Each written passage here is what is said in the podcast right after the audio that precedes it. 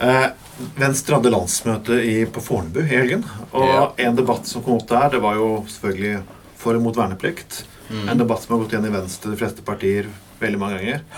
Før jeg begynner på det Odd Einar sa, så skal jeg ta en, en annen perspektiv det. Og det er den kjønnsnøytrale verneplikten.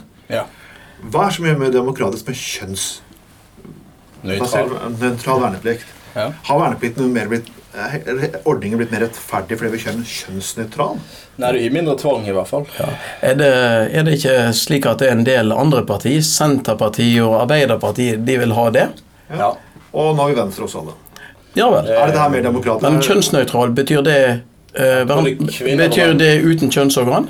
Ja. Det er vel, Venstre har jo faktisk foreslått at, det skal stå tre, at passet kan ha tre ulike kjønn. Så Mm. eh, Nå vet vi ikke helt hvordan det kommer til å gli inn der, men ok. Jo jo, men vi, vi har jo tre våpengreiner, så det blir ett for gen for hvert kjønn, da. Men nå er jo eh, norske forsvar i antall blitt så lite at du kan nesten bare ta inn eh, de, kjønns, de som ikke har kjønn, for å si det sånn. Det er umulig, det. Men hvordan kan folk som er for verneplikt, nei, mot verneplikt si at ok, det er greit med verneplikt så lenge kvinner også får det? Er, bryter ikke de veldig mye prinsippene sine? Oh, jo.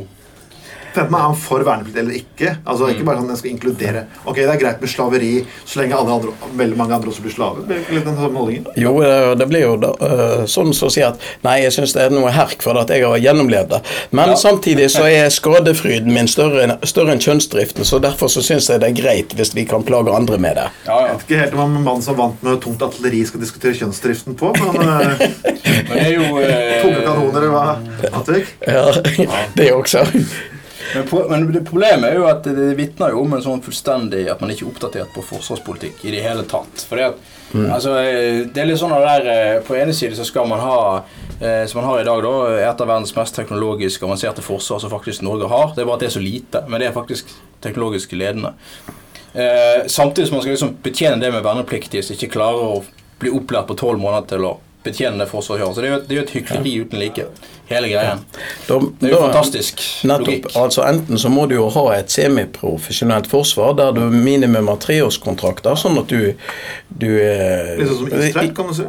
Ja, eller, eh, eller USA eller noe sånt. Treårs-, femårskontrakter, sånn at du får eh, lært opp folk. Mm. Og så har du samtidig eh, tid til å dra, deg, dra nytte av de, sant? Men på tolv måneder så har du ikke lært dem noe som helst, bortsett fra å barbere seg og ugagn, og så med en gang du de er i stand til å nesten kunne noe, så hiver du de ut igjen. Ja, det er liksom, det som at det, altså på, eh, Under den kalde krigen så var det viktig at du hadde jævlig mange folk som kunne eh, grave en skyttergrav og skyte med en lage tre. liksom. og det, det var masser av folk som var viktig å ha, men sånn er ikke verden lenger. Man har politisk bestemt at vi skal ha et innsatsforsvar, eh, som betyr at du trenger mye færre folk Ja. og mer kompetanse. Før, før så skulle vi ha mange eh, folk som kunne ting for så vidt like dårlig. I dag Ja, ja. skal vi ha få som kan ting bra. Ja, Men samtidig så må en jo finne den rette balansen. Du kan ikke bare ha én soldat som skal kunne alt. nei. Og, ja. eh, og bare et lite sånn apropos til dette her, det er jo, er jo at det er jo et tankekors, og sikkert egentlig et sykdomstegn for det norske forsvaret anno 2013, er at vi har bare en tiendedel av antall vernepliktige som vi hadde for 40 år siden, men vi har like mange generaler. Eller, pa, eller papirflyttere. ja.